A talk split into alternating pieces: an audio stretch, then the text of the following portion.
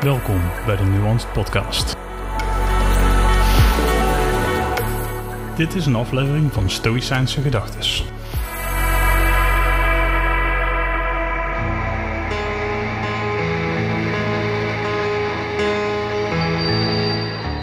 Wat is pech hebben? Dat is een mening.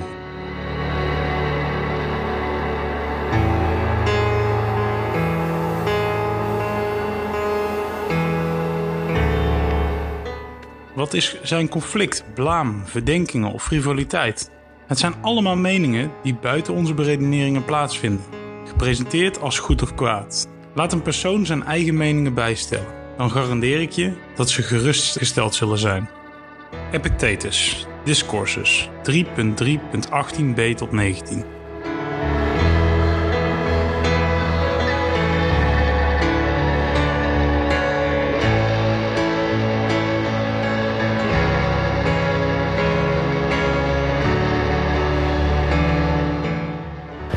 Iedereen heeft meningen.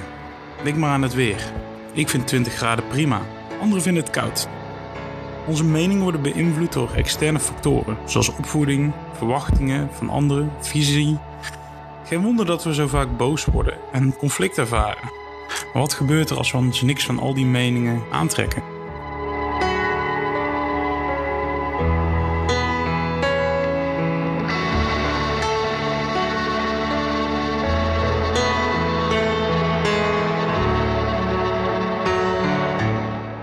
Dit was een Stoïcijnse gedachte in de Nuanced Podcast.